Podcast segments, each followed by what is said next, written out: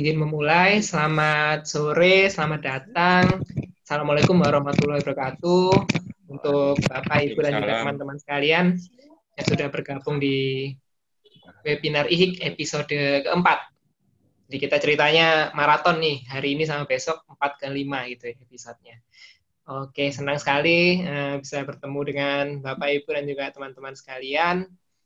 Uh, semoga forum ini bisa bermanfaat tentunya ya bagi kita semua.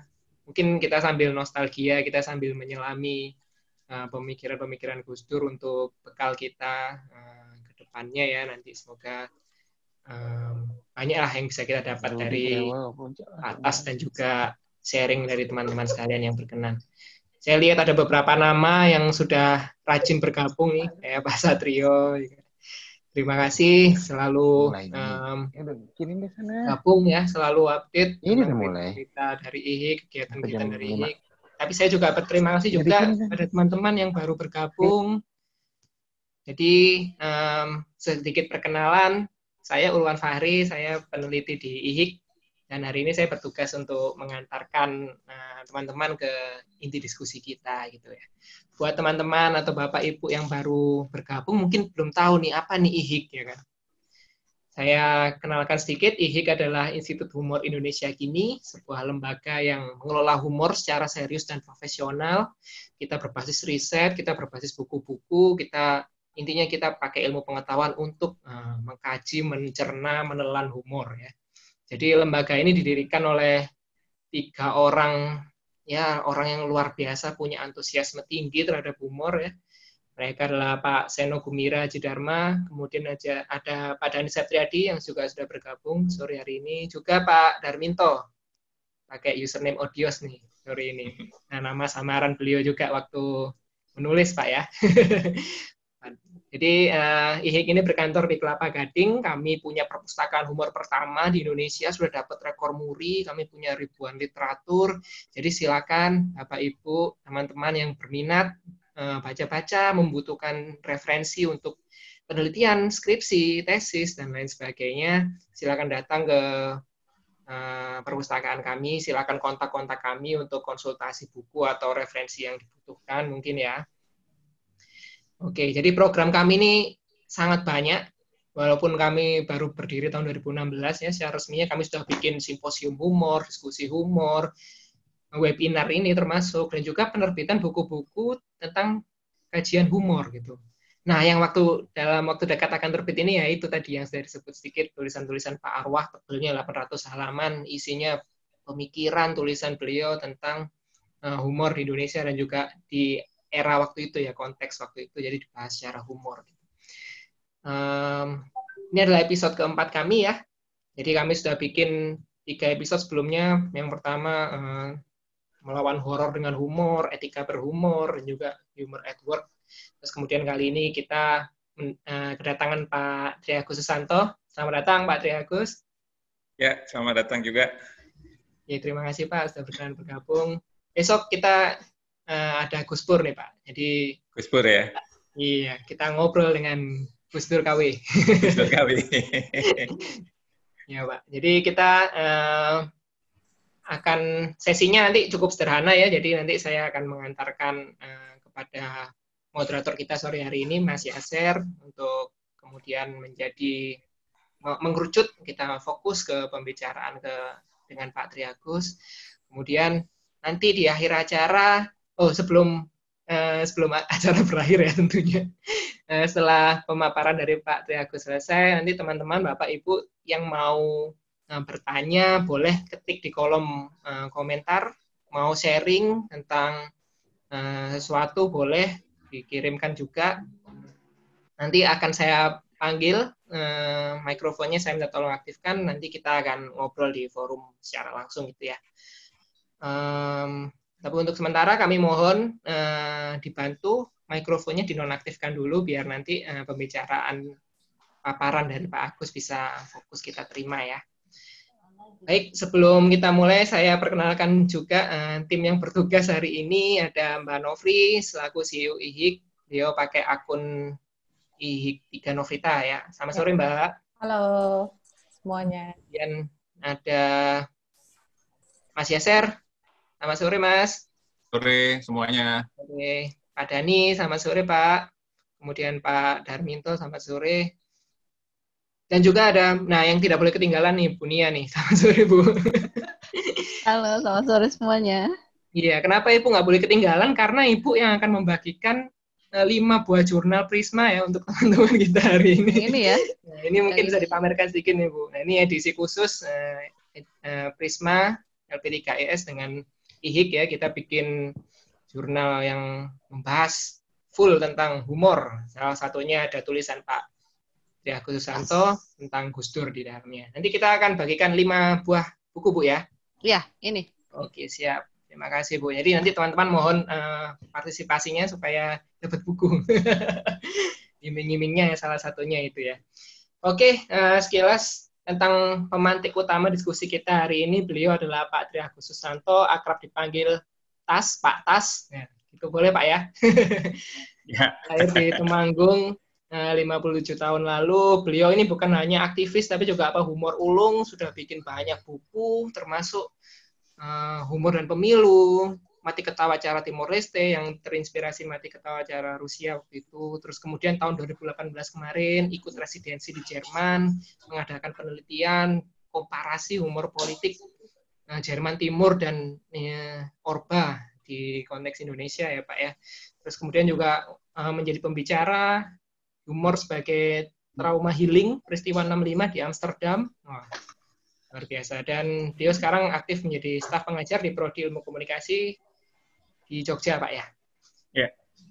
Nah, Pak Atas ini kebetulan ini ya. Karena keluar dari penjara tapi bukan program asimilasi yang ini kan, Pak ya.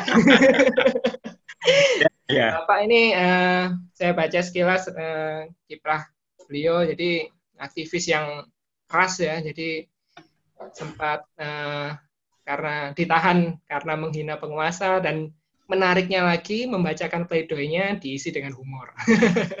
Luar biasa. Nah, ini mungkin bisa sedikit uh, sharing pengalaman itu, Pak ya. Jadi selain membahas Gus Dur, kita membahas pengalaman Bapak juga yang sudah uh, luar biasa di dunia humor Indonesia. Kemudian kita juga sedikit singgung Pak Aras Setiawan. Oke, okay, ya. untuk uh, jalannya diskusi hari ini akan dipimpin oleh Mas Yaser. Mas Yaser. Ya, uh, terima okay. kasih. Saya persilakan. Ya, terima kasih. Pak Tas, apa kabar, Pak? Baik, Pak Yaser atau Mas Yaser nih? Bung, Bung aja, Bung. Baik, Bung. Enakan oh memang. Mungkin di awal sebelum saya ngobrol sama sama Pak Tas, kita coba lihat video dulu kali ya? Ya. Kita lihat video dulu. Kita lihat video dulu ya, nanti baru kita lanjutkan uh, diskusinya. Silakan teman-teman diputar videonya.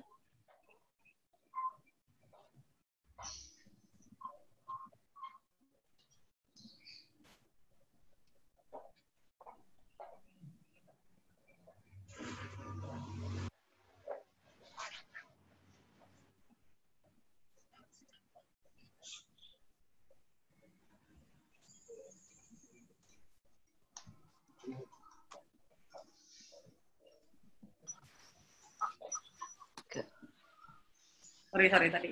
Ini modalnya orang ngaji kelilingnya. Harus lucu-lucu kalau enggak orang lari.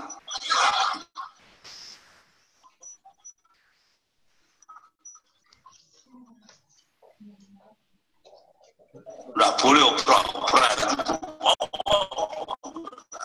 itu mantan dan ramil Wah, ada, ada yang begitu. Kami suruh khutbah. Ya, ya. Itakullah. Itakullah haqqa wala manusia. Bertakwalah kalian kepada Tuhan kalian. Awas kepada Nah itu baru khutbahnya sana itu. Adil toh nggak pakai komunis oh, apa, makmur tok nggak pakai keadilan negara nah, Indonesia ini mabaina wabaina nah, itu ya, ya begitu tapi separuh separuh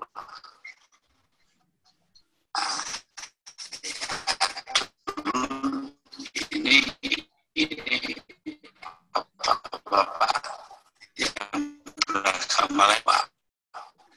Ayat dulu itu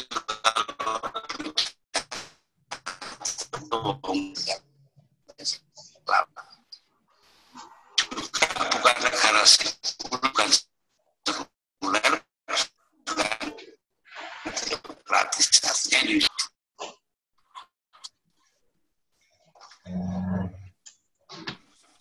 ya soal soal yang dulu kalau kayak begini mau Natalan gitu kan ya mau Natal saya bilang Gus Dur saya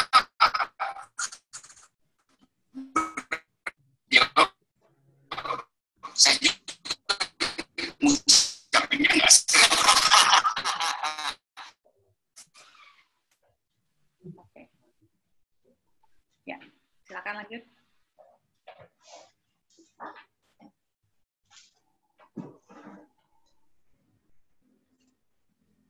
Silakan dilanjutkan, Mas Yasir. Mute, mute. Mas Yasir mute. Mas Yasirnya mute. Mas Yasir mute. Mas Yasir. Wih, maaf lupa. Luar biasa, awal udah lucu aja ya. Eh, mungkin teman-teman semua udah punya bayangan seperti apa Gus Dur di, di awal-awal kita tahu dia dan masing-masing orang punya kenangan yang juga lekat eh, di masing-masing kita. Masing-masing orang punya pendapat berbeda dan itu wajar-wajar aja.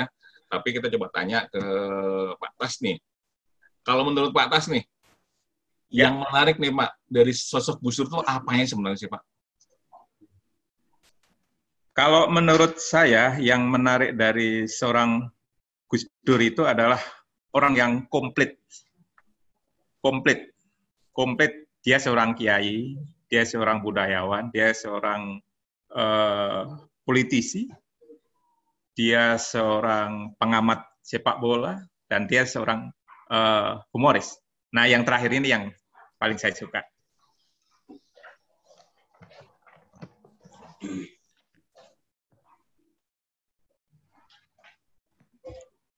Oke. Nah, tapi dari dari dari semua PR yang ah bukan PR ya, dari semua kelebihan yang, yang dimiliki Gus Dur kan memang yang paling Ya. menonjol menurut banyak orang adalah eh, sisi humorisnya, ya.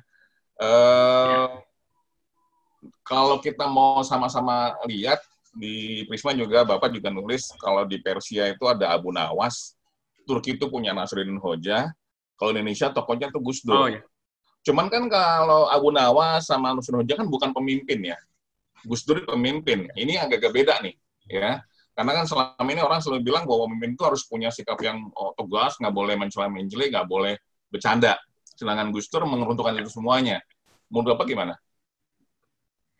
Sebenarnya enggak juga, karena sekarang ini banyak tokoh-tokoh dunia yang menggunakan komunikasi politiknya dengan humor. Yang paling eh, bisa kita rasakan Amerika ter- terutama. Presiden Presiden Amerika itu punya punya apa namanya punya tim khusus sendiri, tim khusus untuk mencari eh, cerita-cerita lucu sehingga ketika eh, sang presiden mau bicara mau pidato dia feeding apa cerita-cerita lucu sesuai dengan situasi dan kondisi. Nah, Gus Dur tidak perlu itu karena Gus Dur sudah eh, sudah merupakan eh, sudah komplit. Gus Dur adalah Hmm. eh, presiden, Gus Dur adalah penulis naskah humor itu sendiri. Jadi Gus Dur nggak perlu nggak membutuhkan eh, penulis eh, humor. Sementara Amerika dan beberapa negara lain membutuhkan. Nah, soal membandingkan antara Gus Dur dengan eh, beberapa tokoh yang bukan pemimpin, memang eh, sepertinya itu tidak apple to apple ya, tidak sejajar. Tetapi yang ingin ingin saya kemukakan adalah orang yang lekat dengan humor.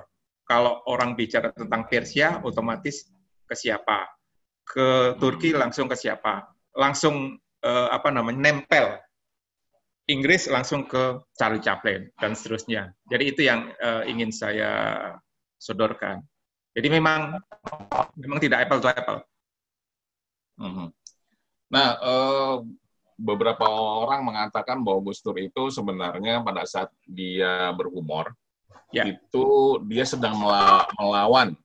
Itu adalah alat untuk menghadapi lawanan politiknya. Ya. Apakah itu benar menurut Pak Atas?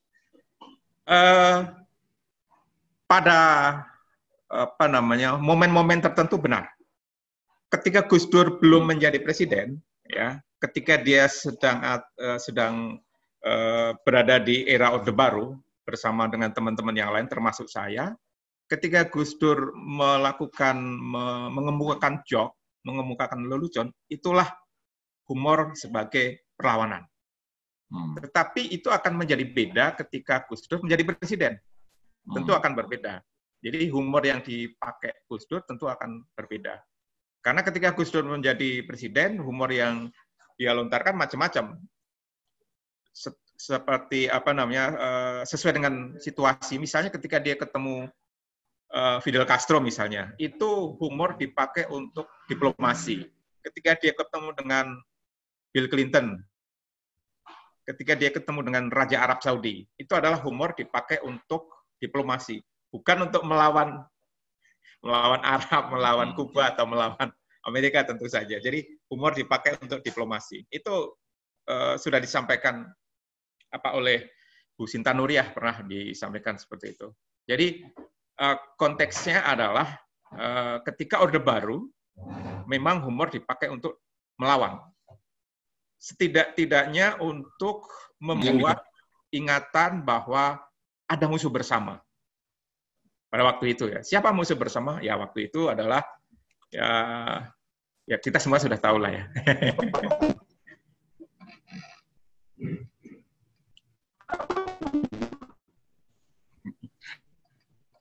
Halo? Kok hilang, Mas Yasir?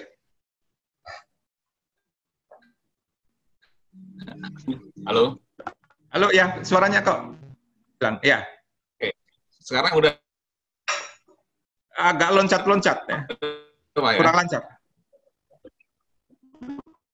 Lang- Pak Tas langsung aja Pak.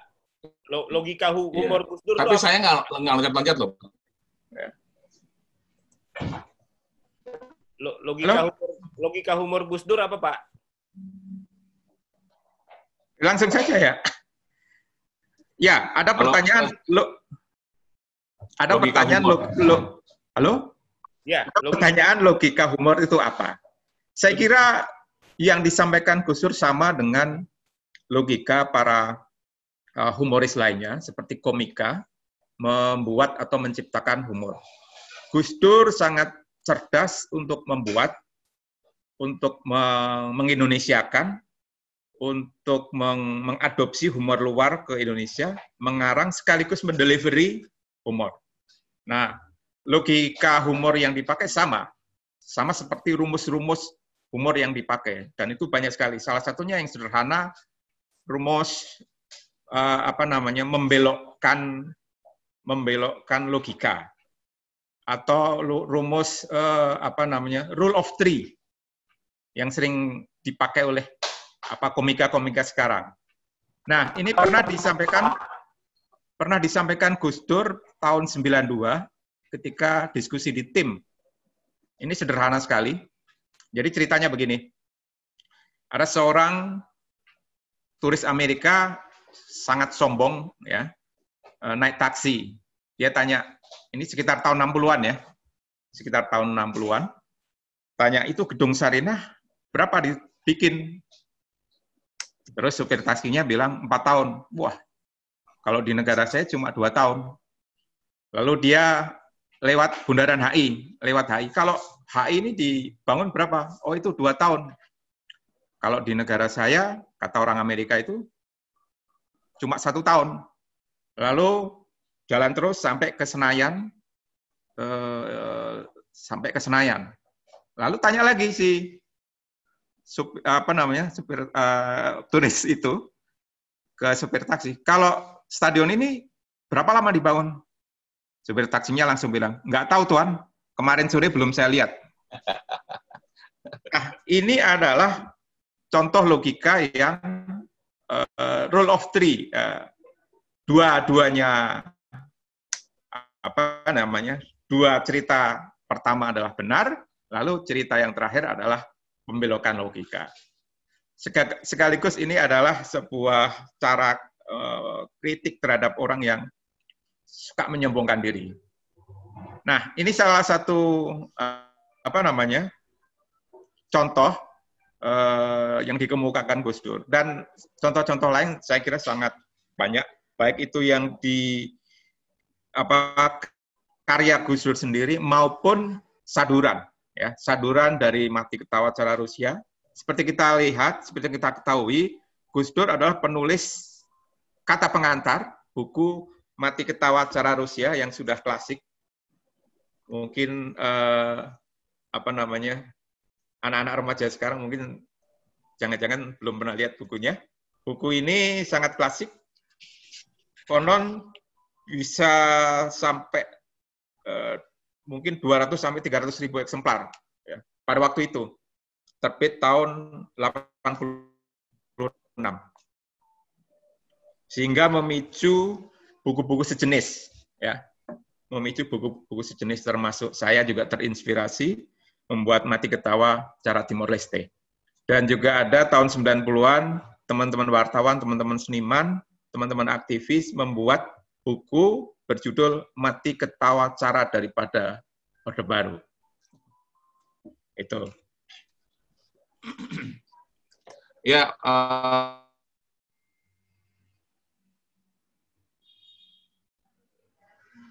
eh, Pak Tas, Ya. Halo, kok loncat-loncat ya? kembali eh, Castro, Presiden Indonesia, Presiden Indonesia tuh gila semua katanya. Ada yang Gimana gimana? Halo? harta, ya. Dengar suara saya Pak ya? Halo, Ya, kadang-kadang hilang. Ya, terus terus. halo, Ya, halo, ya. halo. Ya, ya. Kadang-kadang hilang Tadi ya? ya, tadi jelas tapi kadang-kadang hilang. Oh, gitu ya. Ya, eh, waktu Gus Dur sempat ketemu sama Fidel Castro, Ya. beliau sempat menyampaikan sebuah anekdot yang mengatakan bahwa sebenarnya di Indonesia semua presiden itu gila. Ada yang gila, ada yang gila nyanyi, ya, ada yang gila eh, wanita, ada yang eh, gila segala macam. Nah, pas Fidel Castro nanya, Anda presiden yang gila apa? Kata Gus Dur, yang gila bukan saya, tapi yang milih saya yang gila sebenarnya. Nah, ini kan sebenarnya logika dia adalah malah menjatuhkan diri dia di depan pemimpin lain. Anda menganggapnya seperti itu apa enggak? Ya, salah satu teori humor yang sering disebut Gus Dur yaitu humor tertinggi adalah humor yang mampu menertawai diri sendiri. Hmm. Humor yang mampu menertawai diri sendiri itu adalah humor kata Gus Dur yang paling bagus. Nah, itu sering dilakukan oleh Gus Dur termasuk humor yang tadi disampaikan. Presiden pertama apa tadi gila wanita, presiden kedua gila Harta. eh, harta, presiden kita eh, gila teknologi itu kata Mbak Alisa Wahid, lalu presiden keempat eh, membuat Nah. orang gila Ah, yang buat orang atau, gila. atau versi yang lain atau versi yang lain. Nah, ada satu lagi yang sering disampaikan Gus Dur eh, sebuah contoh betapa humor itu eh, apa namanya humor yang tertinggi adalah mampu menertawai diri sendiri. Ketika Gus Dur diminta turun oleh para demonstran, ya, oleh eh, oposisi, oleh banyak orang, oleh DPR, ya, Gus Dur dibili- di- disuruh mundur, Gus Dur dengan santai mengatakan, gimana saya disuruh mundur, maju aja susah, masa disuruh mundur. maju aja dituntun, masa disuruh mundur. Nah, itu adalah satu humor yang menertawai diri sendiri. Termasuk juga ketika Gus Dur berada, eh, berada di Bali, masih presiden, dia eh, berbicara di depan eh, bisnismen ya yang hadir di situ seluruh dunia kalau tidak salah tidak hanya Indonesia dia mengatakan bahwa presiden sekarang ini adalah pasangan yang terbaik eh, pasangan yang cocok. Eh, presidennya tidak bisa melihat wakil presidennya tidak bisa bicara. Nah ini adalah eh, contoh bahwa Gus Dur eh, bisa mengemukakan eh, menertawi diri sendiri. Dan dia di depan umum eh, tidak mengemukakan bahwa apa namanya kekurangan misalnya penglihatan itu tidak dijadikan apa kendala, tetapi bahkan dijadikan eh, semacam lelucon, tetapi tidak menyakitkan orang lain, ya, tidak menyakiti orang lain. Itu yang salah satu eh, yang sering disampaikan oleh Gus Dur. Iya, eh, Bapak juga pernah bilang kalau urusan perhumoran punya Hmm. kepangkatan. Gus Dur itu adalah jenderal bintang 4. Alasannya apa itu, Pak? Kok Ya, bisa ya. bilang bahwa Gus Dur itu jenderal bintang 4 untuk masalah perhumoran? Ya, kalau kalau dalam militer itu kan bintang 4 itu kan sudah tertinggi ya. Jadi eh, kenapa Gus Dur itu bintang 4? Karena dia itu apa bisa menciptakan, bisa mengad- mengadaptasi sekaligus bisa mendelivery humor ya.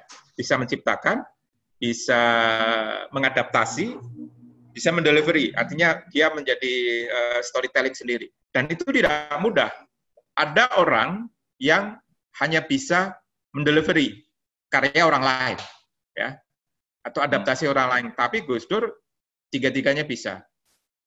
Nah, meskipun Gus Dur adalah bukan seorang eh, katakanlah pemain seperti Mas Butet atau tidak seperti Ernest dan seterusnya, tetapi dia adalah seorang tokoh eh, bahkan negarawan, ya. Tetapi dia bisa memainkan itu semua em, menciptakan humor, mengadaptasi humor, sekaligus mendelivery. Dan itu eh, kalau dalam kepangkatan jenderal ya, ya jenderal apa bintang 4. Meskipun Gus Dur tidak tidak apa namanya santai-santai karena dia kan pernah memimpin NU yang bintangnya 9. Jadi waktu masih kecil lah. Kemudian gini, eh, Pak Tas, ya, ada dua sosok waktu itu sempat terbentur Ya. dengan eh, jokes mereka terhadap Gus Dur. Ada Mas Deddy Minggu Melar Ya. sama eh, Pak Gaim Sudarta. Ya. Dulu kalau nggak salah Mas Deddy bilang besok hati-hati eh, jangan pada keluar rumah karena Gus Dur mau lat- apa, belajar bawa mobil gitu. Ya. Kemudian Pak Gaim Sudarta juga kontak bikin kartun tentang eh, tentang Gus Dur. Gus Durnya nggak marah. Yang Ya. marah itu justru kadernya beliau. ya, Saya ingat benar dia- Mas Dedi pernah cerita dia syuting di Indosiar dan karena Indosiar kan memang bukan gedung ya, dia kayak perkampungan gitu ya. Dan Ya. itu sempat dikepung sama Hmm. masa eh, dinya Gus Dur dan ini sempat Ya. eh, kewalahan untuk bisa keluar. Yang jadi masalah apakah memang Gus Dur tuh nggak pernah marah? Karena marahnya Gus Dur malah diwakili sama para eh, pendukungnya Gus Dur gitu. Atau memang Gus Dur punya punya pribadi yang berbeda? Gimana tuh Pak Tas?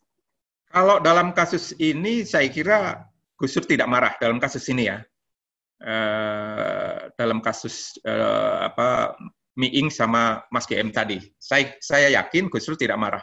Yang marah adalah eh, orang lain, orang lain atau pendukungnya. Nah, di sinilah antara Gus Dur dengan pendukungnya ada gap ya. Sense of eh, humornya itu sangat sangat jauh ya. Ya kita semua tahu lah ya. Gus Dur kan eh, jam terbangnya tinggi dan pengalamannya tinggi. Sementara eh, apa para pendukungnya juga beragam. Ada pendukungnya yang kritis, ada pendukungnya yang eh, kalau seperti Bung Karno hidup mati derek Bung Karno, ada juga seperti itu pasukan berani mati atau segala macam. Nah, ada yang memang kerjaannya yaitu kalau Gus Dur dihina maka tanpa komando dia akan melakukan sesuatu. Saya kira itu bukan kreasi Gus Dur dan bukan apa namanya, bukan suruhan Gus Dur atau orang-orang terdekat Gus Dur. Saya yakin, misalnya di lingkaran ring satu misalnya Pak Wimar atau apa eh, jubir-jubirnya saya kira sama sekali tidak. Tapi itu inisiatif spontanitas dari apa namanya dari orang yang eh, mencintai Gus Dur. Saya kira kalau itu eh, tidak. Nah, terkait apakah Gus Dur tidak pernah marah? Ya tentu saja sebagai manusia pernah marah ya. Gus Dur pernah marah dan kemarahannya itu kan macam-macam. Eh, kita lihat berapa menteri yang dipecat selama Gus Dur menjadi presiden. Bahkan presiden Gus Dur itu kan tidak lama, kurang lebih dua tahun. tapi paling banyak memecat orang. Nah, dia mecat tentu karena ada satu sebab. Nah, salah satu sebab pasti marah. Saya kira itu. Ya, Pak Tas, mohon Ya. analisisnya Pak Tas nih Pak. Waktu ada kisruh eh, di DPR dan beberapa tempat, s- mungkin pernah ingat teman-teman juga ketika eh, di istana Gus Dur keluar pakai Ya. kaos oblong, celana. Ya. Yang Pak Tas tangkap dari makna Gus Dur berpenampilan seperti itu, apa sebenarnya? Eh, ya kalau ini saya bukan ahli bukan ahli psikologi apalagi psikologi fashion.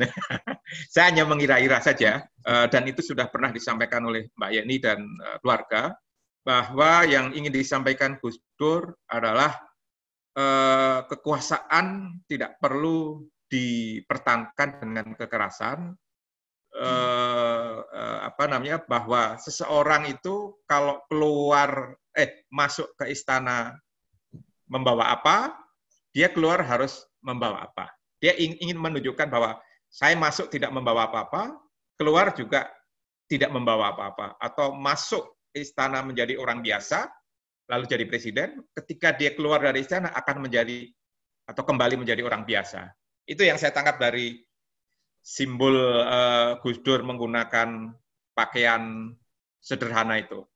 Itu anunya saya ya, Pak. Ya, apa namanya? eh, pandangan saya.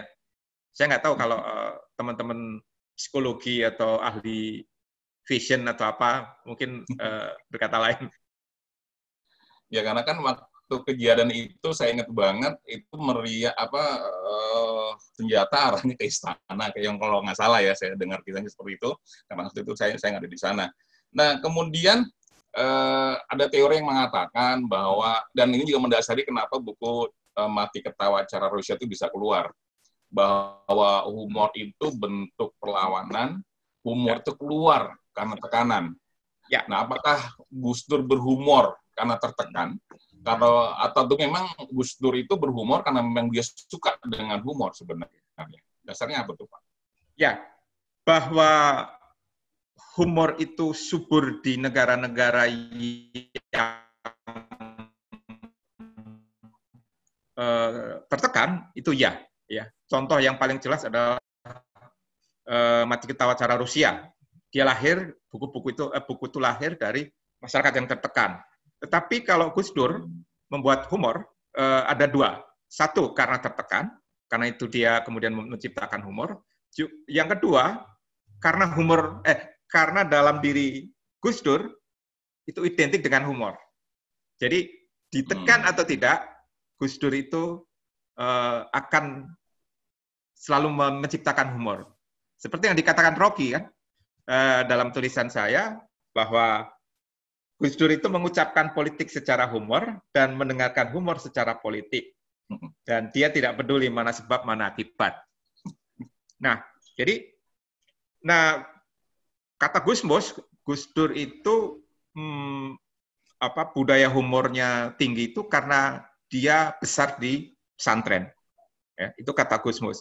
Jadi pesantren itu eh, dari kecil, dari kecil ya sampai sampai kiai sepuhnya itu kalau ketemu selalu berhumor, selalu humor terus.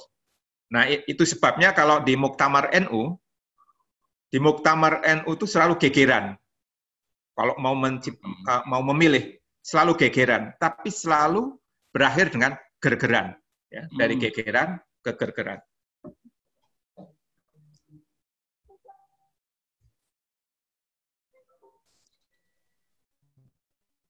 Ya,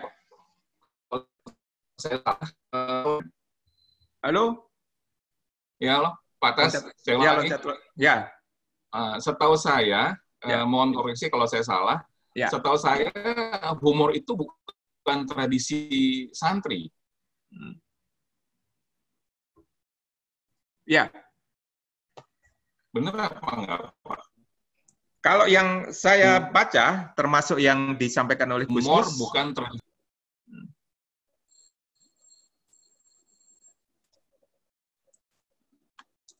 Ya, Halo? Iya, halo, Pak. Ya, Ah, apakah benar Eh, sebenarnya humor itu bukan tradisi? santri. Hmm. Eh, terus terang saya belum meneliti secara spesifik tentang eh, humor dan santri, tetapi yang dikatakan beberapa kawan saya di eh, Nahdien, kalangan santri, itu kalau bicara NU, NU itu ada tiga eh, identiknya kalau kalau kita ngobrol-ngobrol itu ya. Satu sarung, rokok, kopi, dan humor. Jadi kalau ngumpul pasti ada empat hal itu. Ada kopi, ada rokok, eh, ada rokok, ada sarung, ya. Eh, lalu humor. Rokok itulah yang membedakan antara NU dengan Muhammadiyah. Ya, Hmm. kalau Anda membaca no smoking di pom bensin, itu artinya kalau no smoking itu dilarang merokok, kata Muhammadiyah. Kata Hmm. orang NU bukan. No smoking itu NO, zaman dulu NO ya, bukan NU. Hmm. NO, NU boleh merokok. Oh gitu. Jadi sampai sekarang, sampai sekarang eh, orang Muhammadiyah itu paling banyak yang anti rokok, meskipun sebagian ada ada juga yang eh, masih suka merokok, Eh, tetapi mayoritas NU masih setia dengan merokok. Itu salah satu eh, salah satunya. Nah, sejak kapan eh, kalangan santri suka humor? Nah, itu yang belum saya teliti. Tetapi setidaknya sejak eh, Gus Dur berada di eh, pesantren, apalagi beliau menjadi pemimpin Nahdlatul Ulama, saya yakin humor itu menjadi bagian dari dari NU. Bahkan sampai sekarang di NU itu ada mungkin pernah dengar ya NU garis lucu. Ya.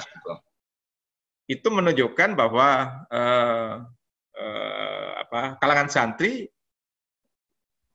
eh, apa namanya lekat dengan humor. Ya, Ya, eh, di antara kita hari ini juga sudah hadir Pak Seno Gumiraji Dharma nih. oh ya. Ya, Pak Seno mungkin bisa kasih sedikit eh, paparan untuk kemudian eh, Gus Dur seperti apa sih, Pak Seno? Dipersilakan tuh Pak Seno Gumira.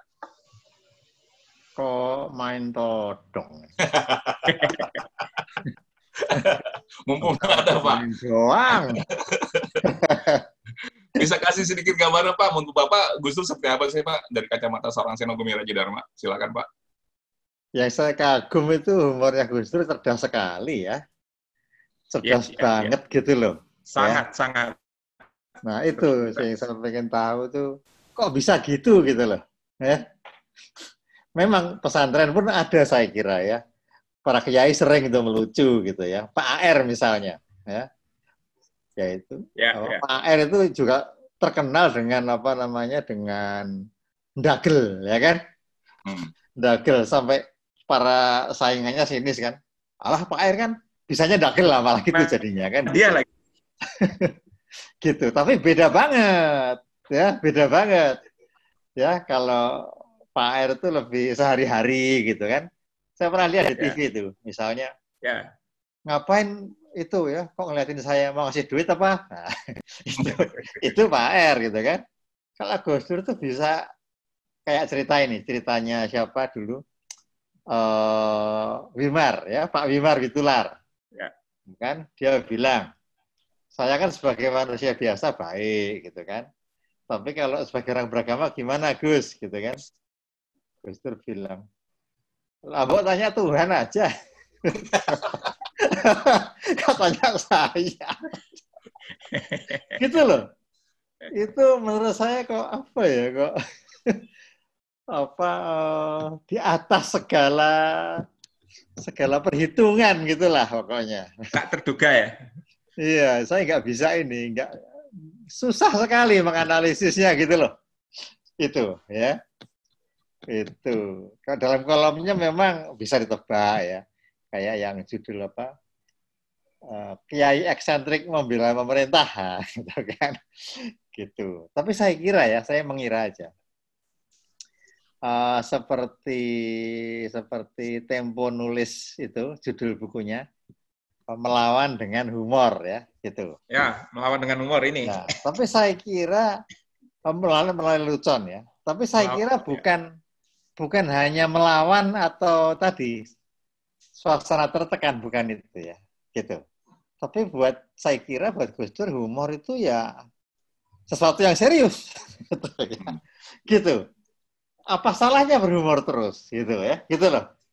Jadi hu, Gus Dur itu memberi kesahihan pada humor, ya, gitu humor itu mau dibilang serius, mau dibilang nggak serius, itu apa eksistensinya sahih. Wah, gitu tuh. gitu ya, gitu. Ya. Ya, ya. Sahih dia. nggak ada salahnya. Makanya dia tidak sama sekali tidak menabukan humor kan gitu. Tidak menafikan, tidak menabukan. Di mana pun bisa berhumor dan itu tidak perlu berarti tidak perlu inferior terhadap yang Ya, ya. serius. Nah, gitu. Humor itu nggak perlu inferior nyatanya dia bisa kritis kok dengan semua itu kan gitu dan masuk semua ide-idenya juga gitu Nah, saya kira saya kira komentar saya itu ya nggak tahu gimana mas Tas Baik.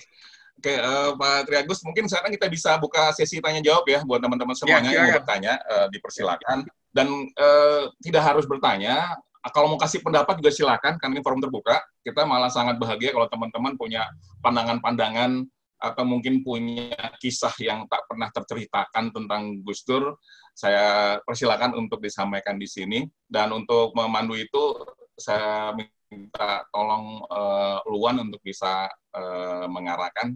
Luan, silakan. Oke, Mas Yasir, terima kasih. Menarik sekali eh, paparan dari Pak Tas dan juga eh, tambahan dari Pak Seno tadi. Mungkin teman-teman boleh eh, memberikan tanggapan atau pertanyaan?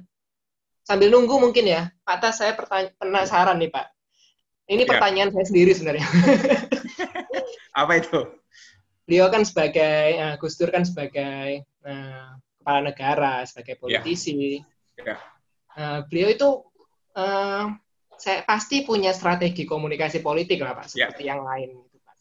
Ketika humor itu dijadikan, nah, ah, pertama saya ingin tanya, humor itu apakah alat komunikasi politik beliau yang pertama? Terus kemudian kedua, apakah ini eh, membuktikan tudingan beberapa orang bahwa eh, humor yang disampaikan Gus Dur itu terkadang backlash ya, membuat eh, kesalahan sendiri sehingga disebut komunikasi komunikasi politiknya payah gitu tanpa manajemen gitu. Seperti apa? Ya, betul.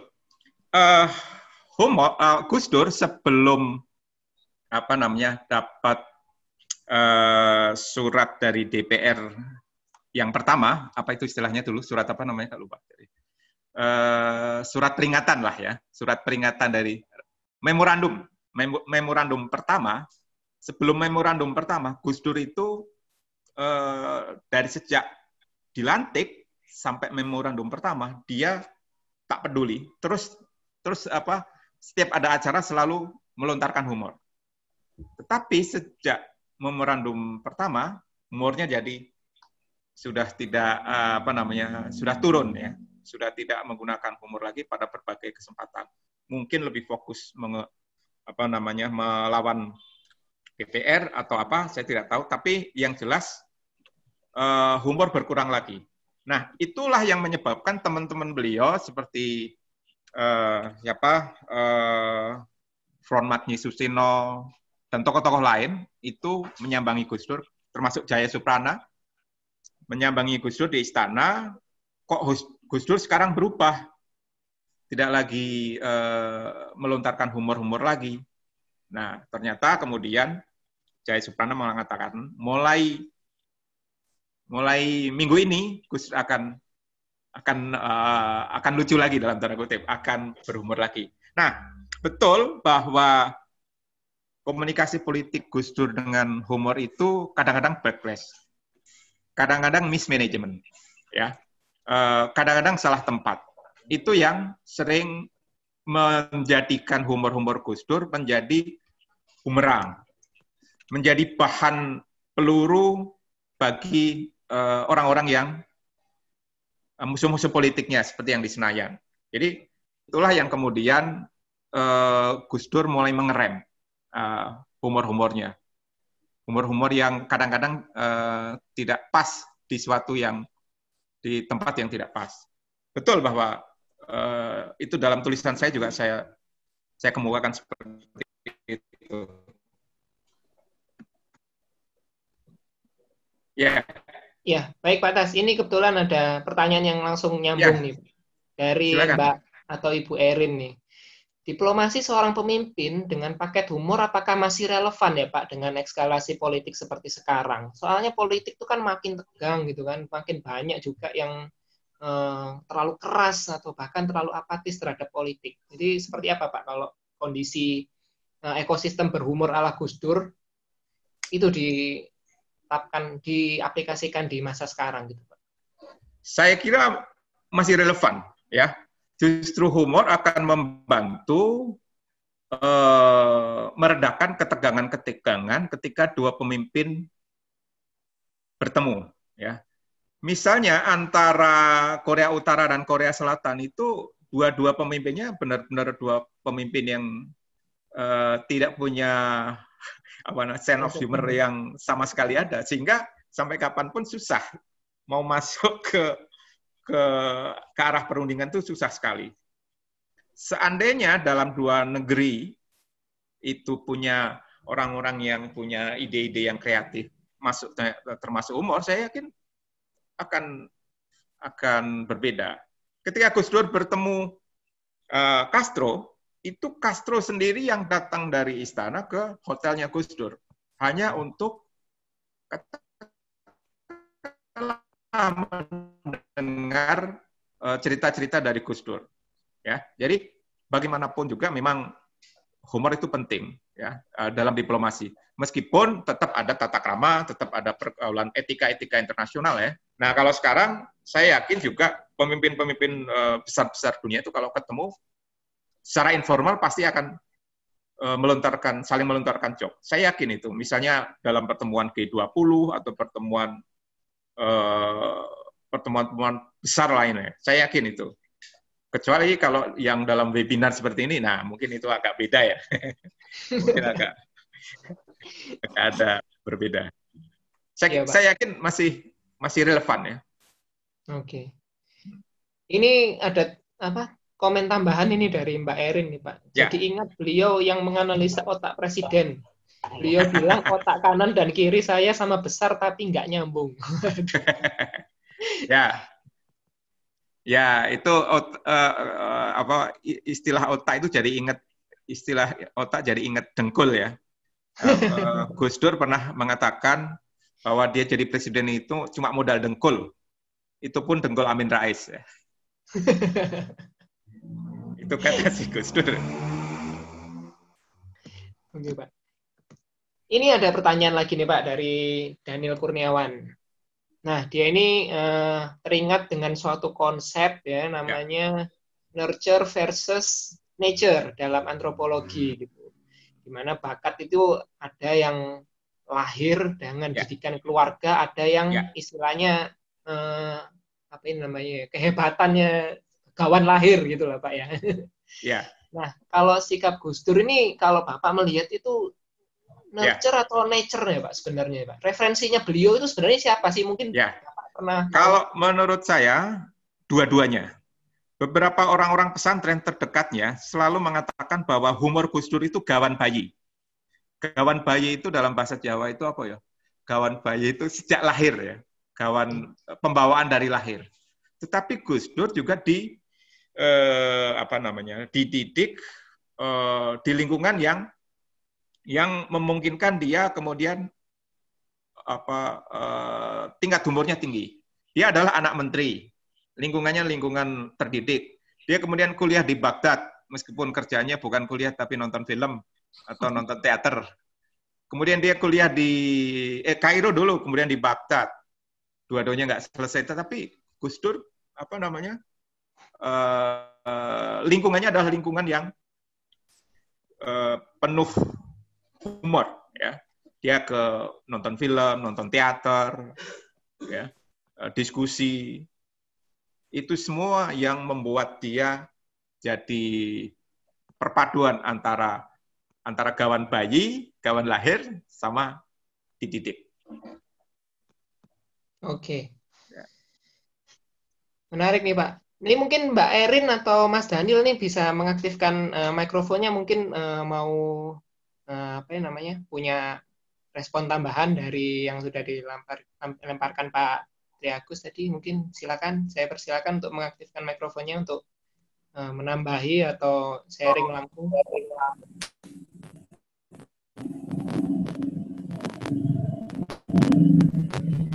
Eh, terima kasih eh, Telah silakan. memberikan apa ya yang menganalisis apa ya tentang Gus Dur bahwa ada ada kecenderungan bahwa gabungan antara nature dan nurture artinya Ya. dari lahir dia seperti ini artinya dia apa ya eh, dididik dari keluarga Ya. NU dan pesantren mana terus selama dia sekolah selama dia kuliah berarti seperti ini. Artinya ini bisa memunculkan sebuah sikap politik. Artinya ini bisa apa ya memunculkan bahwa inilah strategi diplomasi politik. Oh ini untuk orang lebih dikenal orang lebih tahu ini Gus Durnya seperti apa. Dan bahkan dengan cara-cara ini adalah cara-cara apa ya Gus Dur berbicara ini Gus Dur melakukan sebuah kebijakan dengan jokes-jokesnya yang lebih tepatnya banyak kritik. Artinya lebih apa ya memunculkan sebuah hmm, hal-hal yang menarik kayak gitu.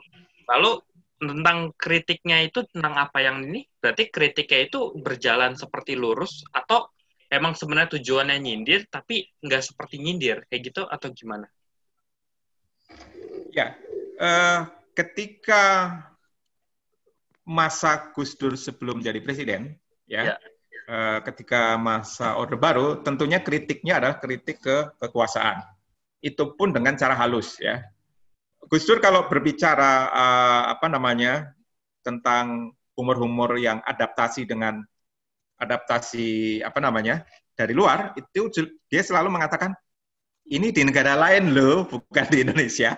Padahal itu nyindir ya. Seperti contoh ini ya, ini saya kasih satu contoh humor yang diucapkan Gus Dur eh, pada September 92 di tim teater Ismail Marzuki. Dia mengatakan waktu itu tahun 92 eh, Presiden Soeharto sedang kuat-kuatnya. Dia cerita tentang tukang cukur. Mungkin sebagian teman-teman sudah pernah dengar. Tukang cukur. Jadi ada seorang tukang cukur yang jadi pelanggan presiden. Ya, ya katakanlah Presiden Soeharto. Jadi Presiden Soeharto itu tiga bulan sekali cukur. Ketika pertama cukur, dia selalu ditanya, gimana Pak suksesi? Sudah ada penggantinya belum?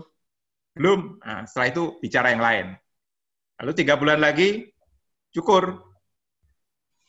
Tukang cukur tanya lagi, gimana Pak suksesi? Sudah ada penggantinya belum? Belum. Lalu ngobrol yang lain. Sampai ketiga, sampai keempat, ngomong begitu lagi si tukang cukur. Presiden Soeharto marah. Kamu itu gimana sih?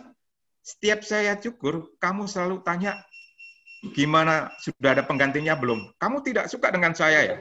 Kamu tidak puas dengan saya ya? Lalu si tukang cukur dengan santai menjawab, bukan begitu Pak. Kalau saya tanya suksesi, sudah ada penggantinya atau belum, bulu kuduk Bapak berdiri, jadi saya gampang nyukurnya. Oke, Pak. Ini humor Gus Dur yang sangat cerdas dan Gus Dur begitu orang ketawa, ini bukan di Indonesia loh, itu dulu saya. Selalu punya cara ya, Pak, untuk Iya, iya. membunyikan Itu itu humor cerdas sekali. Orang tidak menduga tentang jawaban si tukang cukur kan? Iya, Pak. Ini kebetulan eh, Mbak Erin tadi yang lempar pertanyaan cukup di chat saja karena lagi sakit gigi. Semoga cepat sembuh, Mbak. Terima kasih Sakit sharingnya. gigi itu ini, juga Pak. ada humornya itu dari Gus Dur. Gimana itu, Pak? Ah, dia meledek tentang lagi-lagi ini zaman dulu ya, tahun ya tahun dulu. Kenapa banyak orang Indonesia me- apa namanya eh, sakit gigi harus ke Singapura itu karena di dalam negeri eh, susah buka mulut. Itu kata. Sadis. Ya silakan. Ya, saya jadi ingat nih, Pak Atas, Ya. eh, waktu Gus Dur mau membuktikan, eh, melawan eh, pemikiran-pemikiran ateis. Jadi Ya. dibikin katanya di sebuah di sebuah kelas kampus ada profesor yang ateis nanya ke mahasiswanya, Anda pernah lihat Tuhan? Eh, enggak, Prof. Tuhan enggak ada. Anda pernah dengar Tuhan? Enggak, Prof. Berarti Tuhan enggak ada. Akhirnya kemudian sama si mahasiswa nanya balik profesor, "Ah, Profesor maaf, Profesor pernah lihat otaknya Profesor apa enggak? Ya enggak lah, berarti oh, Profesor otaknya enggak ada katanya seperti itu. ini ini berarti bahwa eh, ini buat saya ini cerdas kenapa? Konsep bahwa Tuhan itu tidak harus terlihat, tapi kehadirannya ada. Dibuktikan dengan yang yang ada sekeliling yang buat saya sih itu Iya, iya. eh, Pak Ansas ya. Teman-teman ada lagi yang mau disampaikan mungkin? Nah, ini ada nih Mas dari Mas Badrudin dari Pandeglang. Waduh, Wah, udah ngasih alamat udah kayak ini ya, kuis di TV-TV ini ya. Ini ya pertanyaannya Mas Badrudin. Nah, saya pernah mendengar bahwa Gus Dur berkata pada sahabatnya, hari ini saya puasa setengah hari, sama dengan puasa setengah tahun. Maksud Gus Dur itu seperti apa? Atau ada kisah di balik itu mungkin Pak? Waduh. Saya malah belum, belum pernah mendengar yang ini. Saya itu punya banyak buku.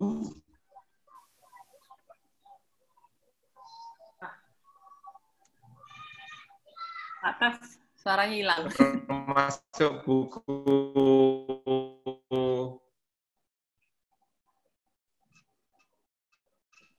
Atas. kecil suara Maaf Pak, Halo? tadi suaranya hilang Pak. Suaranya hilang sekarang masih sekarang Udah ada, Pak. ya Bisa diulang Pak? ya eh, terkait humor yang tadi saya belum pernah dengar Eh, puasa apa tadi Puasa setengah hari. Setengah hari, puasa setengah hari sama dengan puasa setengah tahun. puasa setengah Tahun. tahun. saya terus terang belum pernah Wah, dengar jadi saya tidak berani Mas Badru, boleh diaktifkan nih mikrofonnya, mungkin bisa share, dapat eh, apa namanya, pernah dengar dari mana atau Ya, halo. ya halo silakan Mas Badru. di buku mana ya Ya, saya pernah dengar itu dari para pengurus PCNU oh bahwasanya humor-humor Gus anu ya? Dur enggak itu humor Gus Dur ketika apa namanya beliau itu masih ngejabat presiden lagi main itu sama kawan-kawannya. Jadi paginya itu dia niat puasa tapi pas siangnya itu dibatalin puasanya malah minum air. Lah kok kok Gus Dur katanya mau puasa ini malah setengah hari doang puasanya itu aku puasa setengah hari ki wis puasa setengah tahun jarak Gus Dur. Wah, Itu- saya Eh, ya, saya terus terang belum pernah mendengar dan eh, karena belum pernah mendengar belum nggak nggak berani menjawab. Oke, Oh, iya, wah, itu menarik apa namanya? eh, nanti nanti saya cari anunya, Eh, cari saya cari ke teman-teman NU, terutama NU garis lucu. Apakah humor iya siap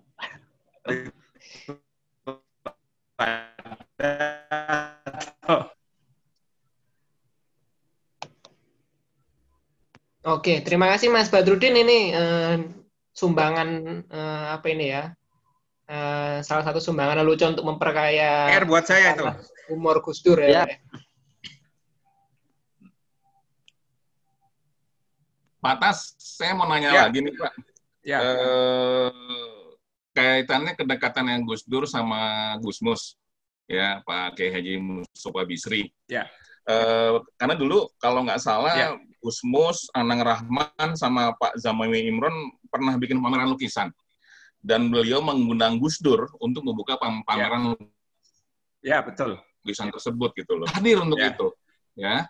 Eh, yang anda lihat kalau orang biasa mungkin ini udah dianggap penghinaan gitu loh, ngundang orang yang nggak bisa lihat untuk datang ke buka pameran lukisan gitu loh. Tapi Gus Dur hadir di sana dan mau buka. Ya.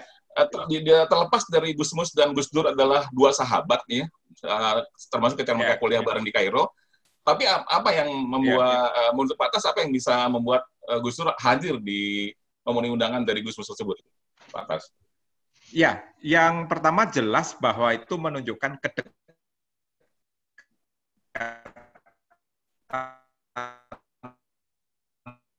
mereka sejak remaja kuliah bareng di Kairo dan eh, karena itu ketika Gus Dur eh, menjadi pejabat katakanlah jadi orang ya diundang ya hadir ya meskipun saat itu Gus Dur sudah eh, penglihatannya sudah apa namanya sudah sudah berkurang atau sudah berbeda. Nah, jadi eh, ini adalah persahabatan yang eh, melampaui batas, melampaui batas. Sekaligus ini adalah dua-duanya mempunyai eh, apa namanya sense of humor yang tinggi, baik si pengundang maupun yang si maupun yang diundang. Hmm.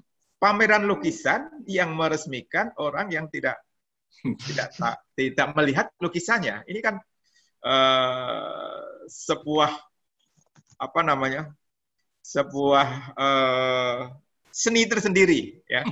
Saya yakin bahkan pembukaan ini sudah sudah nendang ya. Pembukaan itu sudah nendang dibuka oleh seorang Gus Dur yang notabene tidak bisa melihat, tapi kemudian orang eh, kemudian membicarakan tentang acara seni itu saya yakin. Jadi ini sebuah ide yang cerdas dari Gusmus atau penyelenggara sekaligus kerelaan hati seorang Gus Dur yang tinggi menerima undangan dari sahabatnya yang meskipun dia tidak tidak melihat. Saya kira ini sebuah peristiwa yang meminjam istilah uh, Jaya Suprana cukup humoristik tingkat tinggi. Baik, Pak. Ini kebetulan ada pertanyaan menarik juga nih, Pak, dari Pak Ipeng. Ya. Tentang humor dan Sa- eh, humor Gus Dur dan Sarah. Mungkin Pak Ipeng ada bisa mengaktifkan mikrofonnya, Pak Ipeng.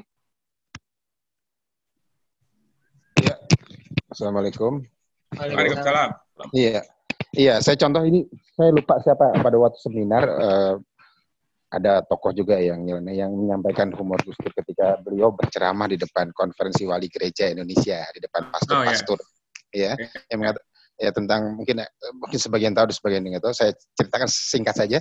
Ya. Dep- ada kiai dari Madura, pemimpin pesantren mengatakan eh, sedang tahajud dan mengeluh berdoa kepada Allah, ya Allah, kenapa saya punya anak tiga dan anak pertama saya satu, yang saya eh, apa ingin jadi pengganti saya untuk memimpin pesantren ini, tapi anak pertama saya itu masuk Kristen, kecewanya luar biasa saya. Tiba-tiba ada jawaban dari atas, kamu kiai cengeng, anak pertama masuk Kristen aja udah ngeluh, saya anak satu-satunya masuk Kristen nggak masalah. Nah itu kan sara ukuran kita ya untuk ukuran awam. Tapi kalau Gus Dur kekuatan beliau kita memaklumi mungkin bahkan pastor-pastor tertawa dengan jokes itu. Jadi apa kira-kira kekuatan Gus Dur yang yang membuat kita jadi maklum terhadap terhadap eh, joke yang mungkin kategorinya sara menurut eh, kategori awam gitu kira Ya, saya kira eh, humor itu menurut saya itu bukan humor eh, bukan humor sara dalam arti meng, me- menghina atau merendahkan kelompok tertentu tidak. Bahkan yang lebih dahsyat dari itu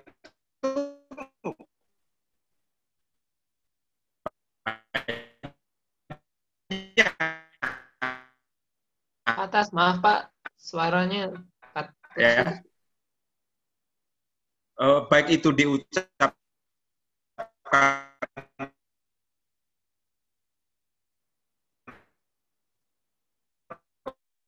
Masih putus-putus Pak Tas. oleh maupun sudah putus ya Belum, belum.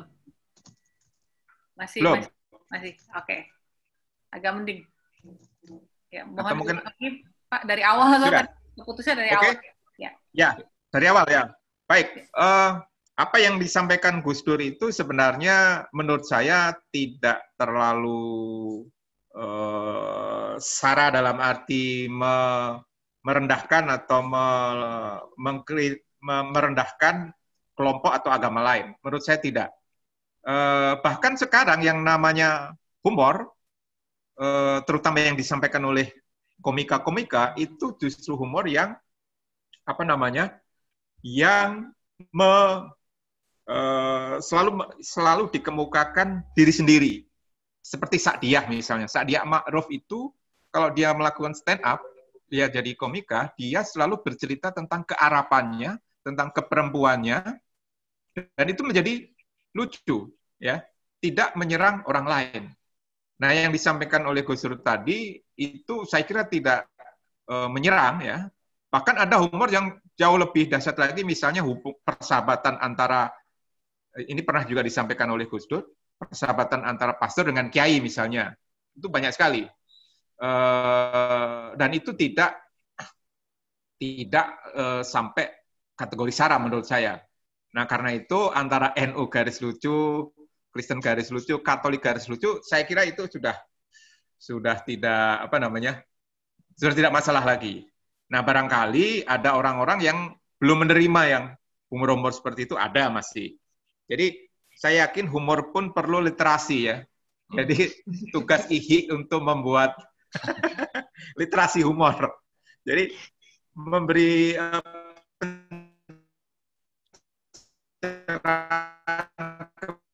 kepada publik harus marah, tidak cepat tersinggung, ya. Saya kira itu. Iya Pak. Jadi ingat eh, pesannya Pak Seno waktu webinar lalu. Mungkin yang seperti itu tidak berbakat menjadi penonton. Iya, iya, iya. Bahkan Nggak berbakat, penonton ya. aja penonton penikmat humornya perlu bakat. Iya, iya. Kalau kata Pak Seno. Ini ada eh, apa namanya tambahan dari Pak Darminto nih kebetulan karena Wah, apa kabar Mas Dar? Iya, ini Pak. Karena audionya belum bisa, jadi hanya sebagai penikmat pasif dan kirim. Di Semarang dia? Mana Pak? Di Semarang, Ya, sepertinya lagi di rumah ya, Pak. di rumah ya. Jadi nambahin aja tadi kalau Gus Dur dan Gusmus itu di Kairo sebenarnya cuma pergi ke toko kaset, dengerin musik, nonton film, diskusi, nggak pernah kuliah. Nggak pernah kuliah, ya betul. pelajarannya udah tahu semua katanya. Mata pelajaran pesantren udah tahu semua soalnya. Oke, Pak, Pak Tes Ya. boleh sharing sedikit Pak em, tentang humor dan penguasa nih. Kebetulan Bapak kan punya pengalaman, ya itulah Ya. pahit lah ya dengan masa lalu. ya. Apakah sebenarnya eh, humor politik, kemudian eh, bagaimana pe- penguasa zaman sekarang terutama eh, Hmm. merespons eh, humor-humor politik itu apakah lebih baik daripada masa lalu atau bagaimana sejauh pengamatan peng- dan pengalaman Bapak? Ya, eh, ini respon dari penguasa ya. Iya Pak. Respon dari penguasa. Saya kira eh, antara Orde Baru dengan sekarang tentu berbeda ya. Sekarang ini eh, sejak Orde Baru tentu saja kebebasan ber eh, apa namanya berekspresi, kebebasan pers, bahkan sekarang sudah ada media sosial itu sangat bebas ya. Sehingga kadang-kadang eh, kebebasan ini kemudian sering disalahgunakan oleh sebagian orang untuk menyerang ya, menyerang bukan mengkritik ya. Nah, tetapi lain presiden tentu lain eh, lain apa namanya kupingnya berbeda. Ada presiden yang kupingnya tipis, ada presiden yang kupingnya tebal. Artinya kalau kupingnya tipis itu setiap disindir lalu menggunakan menggunakan eh, aparatnya untuk menangkap misalnya. Nah, sejak katakanlah Presiden Gus Dur, setidaknya Presiden Gus Dur tidak pernah menangkap orang yang mengkritik. Saya tidak tahu nanti eh, tolong dicek ya. Eh, bahwa setelah itu ada banyak pengkritik-pengkritiknya dikenai pasal, itu lain soal. Tapi yang jelas pa- pada era SBY itu pasal 134 KUHP, pasal penghinaan presiden yang pernah dikenakan kepada saya dulu, itu sekarang sudah tidak ada. Ya, pasal 134 KUHP itu sekarang sudah tidak ada. Jadi sekarang eh, apa banyak orang kemudian membuat meme, membuat eh, acara, membuat relatif bebas. Karena itu menjadi delik biasa. Selama orangnya tidak tersinggung, tidak melapor ke polisi, maka itu jadi delik biasa, bukan bukan delik aduan. Eh, maksudnya bukan delik khusus ya. Nah, beda dengan ketika pasal 134 masih ada. Uh, anda menulis sesuatu, seseorang tersinggung atau tidak, presiden tersinggung atau tidak, aparat keamanan akan menangkap Anda atau memproses Anda. Nah, sekarang berbeda. Pasal 1341 sudah tidak ada, tetapi sekarang pasal lain menghampiri. Sekarang ada Undang-Undang ITE. Dalam Undang-Undang ITE juga ada eh, pasal-pasal yang bisa menjerat seseorang, ya menyebarkan kebencian dan seterusnya dan seterusnya ya. Nah, tetapi itu tidak eh, setiap era digunakan secara apa namanya? secara gampang atau diobral. Ada presiden tertentu yang yang menterinya atau Polri-nya atau jaksanya yang asik-asik aja. Tapi ada era tertentu di mana Eh, polisi, jaksa maupun eh, aparat lainnya sangat mudah tersinggung eh, sehingga apa namanya orang-orang yang kritis ya menjadi korban. Nah saya kira membandingkan presiden sekarang dengan presiden sebelumnya itu perlu studi. Nah kalau terkait dengan humor saya kira IHI perlu membuat studi itu. Boleh nanti kolaborasi dengan jenengan Pak Nggih. Siap, siap. Ini Pak Darminto mulai panas juga nih sepertinya Pak. Jadi mulai rajin uh, kirim komentar dan pertanyaan. Gus Dur pernah bilang, salah satu fungsi humor adalah menelanjangi keagungan elit yang artifisial. Apa itu maksudnya menurut Mas Tas? Ini pesan dari Pak Darminto. Pak Tas? Halo? Iya. Halo? Menelanjangi apa tadi? politisi yang menelanjangi keagungan elit yang artifisial. Oh, ya. Gimana itu maksudnya, Pak? Nah, uh, ketika Gus Dur jadi apa namanya uh, masih orde baru, maka yang menjadi sumber ya, yang menjadi sumber dari ide-ide atau gagasan uh, membuat humor adalah penguasa dan politisi. Penguasa, politisi, pejabat publik. Mengapa mereka? Karena mereka lah yang uh, menjadi dalam tanda kutip menjadi orang yang pantas untuk di dalam tanda kutip diserang. Nah, karena itu dalam humor-humornya Gus Dur selalu menyerang mereka. Kalau tidak presiden, ya politisi. Misalnya contoh, Gus Dur pernah membuat humor seperti ini. Ada sebuah kampanye. Kampanye yang dari banyak orang, Golkar tentu saja. Politisinya, menterinya itu bicara di depan lapangan, ya, bicara di depan masa, dia pidato. Saudara-saudara, siapa yang membongkar, disambut dulu Golkar, gitu kan? Siapa yang membuat pasar, bendungan, dijawab oleh masa Golkar Lalu dia menggerutu. Begitu kok dibilang Golkar korupsi. Dia menggerutu ya, begitu begitu kok dibilang Golkar Golkar korupsi. Siapa yang korupsi? Golkar. itu itu dibikin oleh uh, diciptakan oleh Gus Dur untuk me, mengkritisi politisi-politisi yang yang seperti itu. Jadi uh, nah ketika Gus Dur menjadi apa namanya presiden pun dia tetap tetap bisa menciptakan apa namanya menciptakan humor-humor yang mengkritisi politisi-politisi atau pejabat-pejabat yang notabene adalah di bawahnya. Seperti ketika dia baru saja dilantik, dia mengkritik DPR. DPR disebut sebagai taman kanak-kanak. Itu kan dahsyat sekali. Baru aja dilantik langsung dia bisa mengkritik uh, DPR sebagai apa namanya eh, taman kanak-kanak. Dan sejak itu kemudian terjadilah eh, perseteruan antara Gus Dur dan, dan DPR. Saya kira itu. Oke. Pak, mungkin terakhir Bapak boleh apa ya memberikan benang merah gitu ya antara Gus Dur, eh, tokoh humor kita gitu ya, pejabat negara, negarawan, agamawan, dan juga Pak Arwah Setiawan nih, beliau yang berjuang Ya.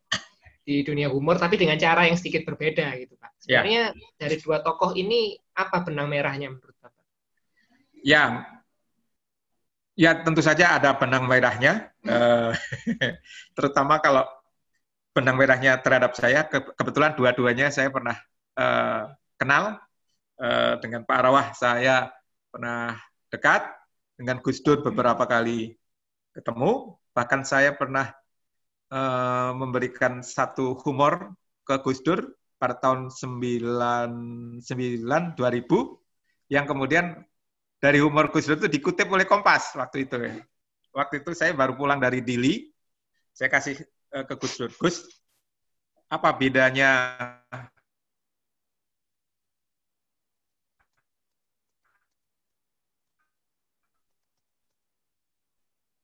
Ah, Pak, Timur Timur kasih tahu Gus. Di, di, di Timur Timur itu banyak NU, ya. oh tadi agak putus nih Pak. apa bedanya tadi Pak? Atas? Halo? Halo, Pi? Ya, lalu saya sampaikan cur. Bedanya Timur Timur dengan Jawa Timur, Timur Timur banyak UN, UN itu United Nation, orang NU, orang UN, kalau di kalau di Jawa Timur banyak orang NU. nah, itu itu oleh Gus kemudian di di share ke publik yang akhirnya share ke mana-mana. Nah, eh, tentu saja dua tokoh ini Gus Dur dan Arwah Setiawan adalah tokoh humor. Arwah Setiawan dengan kredonya humor adalah serius. Humor itu serius, ya. Yang itu sampai sekarang belum ada yang eh, mematahkannya. humor itu serius. Nah, eh, Arwah Setiawan adalah pemikir, penulis humor, tapi bukan delivery. Ya. Sementara Gus Dur itu eh, pemikir, penulis sekaligus delivery, tetapi punya kapasitas masing-masing. Tapi dua-duanya menurut saya adalah tokoh, ya. Dua-duanya tokoh humor yang eh, patut kita jadikan eh, apa namanya panutan dalam khasanah humor di Indonesia. Karena itu eh, sebagai akhir dari pertemuan ini, eh, mari kita terus me, apa, apa, membaca, kemudian mengembangkan apa yang pernah ditulis dan dilakukan oleh baik Gus Dur maupun Arwah Setiawan. Saya kira itu. Terima kasih. Sampai berjumpa kembali di lain Terima waktu. kasih banyak Begitu ya? atas atas paparannya. Eh, teman-teman terakhir mungkin boleh mengaktifkan eh, videonya kita foto bareng nih. Ya, jadi biar walaupun kita nggak pernah atau belum bisa ketemu secara langsung, tapi kita setidaknya fotonya bisa nampang bareng lah ya. boleh dibantu ya, boleh untuk mengaktifkan videonya. Jadi eh, kita bisa foto rame-rame. Pak, Pak, Pak Tas, mungkin terakhir ini Pak. Ya. Kan generasi kayak saya dan beberapa teman lain mungkin eh, ketinggalan gitu ya Pak ya. Istilahnya buku-buku humor bersejarah gitu ya kayak Nah, Nah, yang Bapak tulis maupun mati ketawa cara Rusia, mati ketawa cara Soeharto dan lain sebagainya. Itu sebenarnya menurut Bapak nih, Pak, karena sekarang langka nih, Pak, carinya ya. Yang pertama carinya di mana? ya. Terus kemudian eh, cara kita membaca konteks eh, humor-humor seperti itu tuh singkatnya seperti apa, Pak, seharusnya?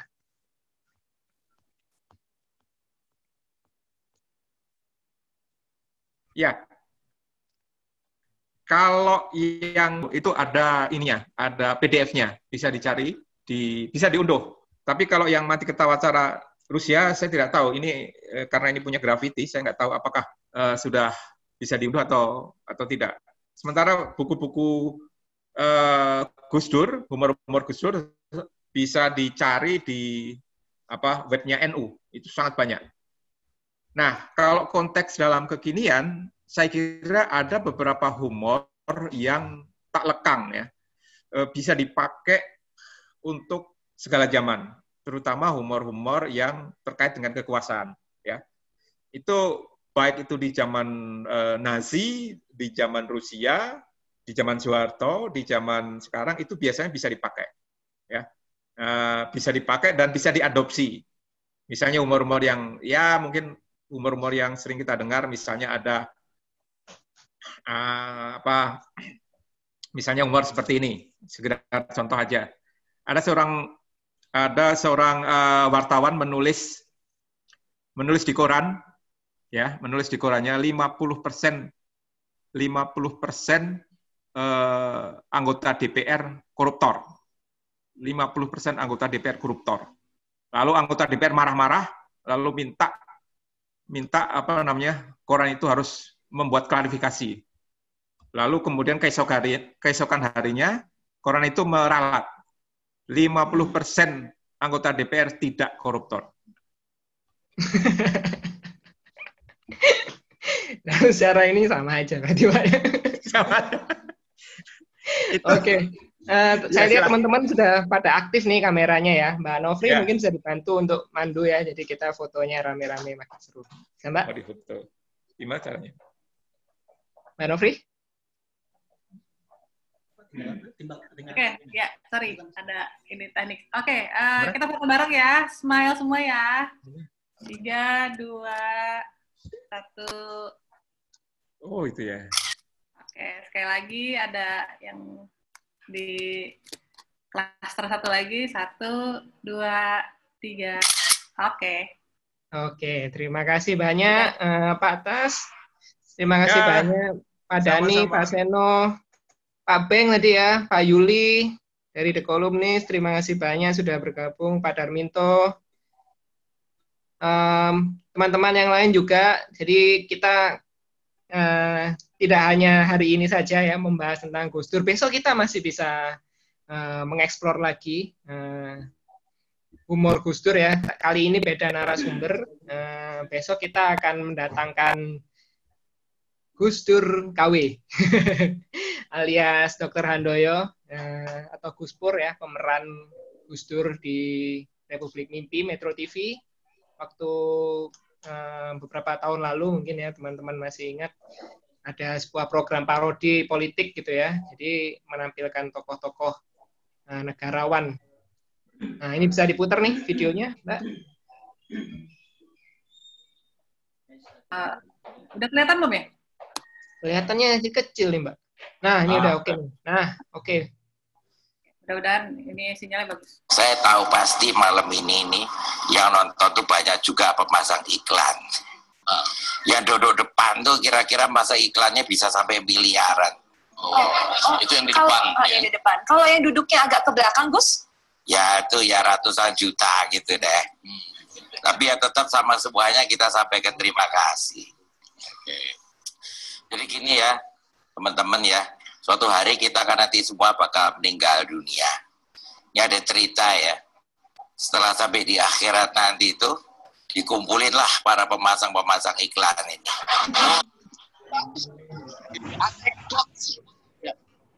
Malaikatnya nanya kepada salah seorang, kamu pemasang iklan ya? Iya, Pak. Kamu biasa pasang di acara apa? Saya biasa di acara yang memperbodoh masyarakat, Pak. Hmm. Sinetron-sinetron yang banyak adegan kekerasan, seks, misteri, sama gosip itu. Malaikatnya bilang, ke gini.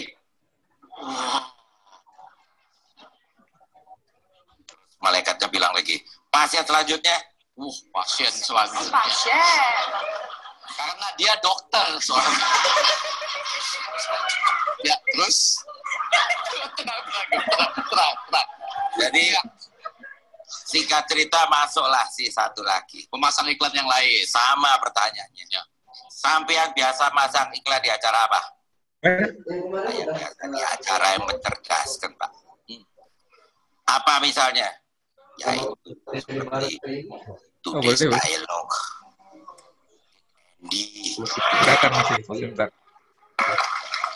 Topik minggu ini. Oh, stasiun lain nih ya.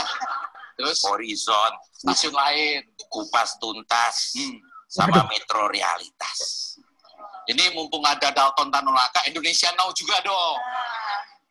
Malaikatnya nanya dipertegas. Loh, sampean kenapa nggak masang di news.com? Saya belum. Orangnya bilang, di sana slotnya kepahalan. Nek, nek, yuk. Eh? Oke, jadi eh, buat teman-teman saya juga eh, apa ya namanya penasaran ya ngobrol dengan beliau Gus Gus Pur atau Dokter Handoyo. Jadi beliau ini ternyata profesinya sehari-harinya adalah dokter ya. Nah nanti eh, tapi beliau waktu memparodikan Gus Dur ini terlihat sangat natural sekali ya. Jadi beliau besok akan datang eh, di webinar kita. Jadi teman-teman yang sudah mendaftar hari ini silakan bergabung lagi dengan email dan eh dengan meeting ID dan password yang sama. Kita bertemu lagi besok di acara yang sama di jam yang sama ya, setengah empat sampai jam 5 sore. Jadi terima kasih banyak teman-teman yang sudah bergabung. Em, selamat berbuka puasa, eh, menyiapkan berbuka puasa untuk yang menjalankan ibadah puasa. Kami mohon maaf apabila ada kesalahan secara teknis maupun secara tutur kata maupun eh, melayani teman-teman ada kesalahan. Jadi kami mohon maaf. Kita ketemu lagi besok. Eh, Wassalamualaikum warahmatullahi wabarakatuh. Selamat sore semuanya. Wan, pemenang Wan. Umumkan. Oh iya, pemenang. Nanti nanti lupa lagi. Nanti buat teman-teman yang sudah bertanya tadi ya ada empat orang, Mas Daniel, Mas Pak Ibeng, Mas yang dari eh,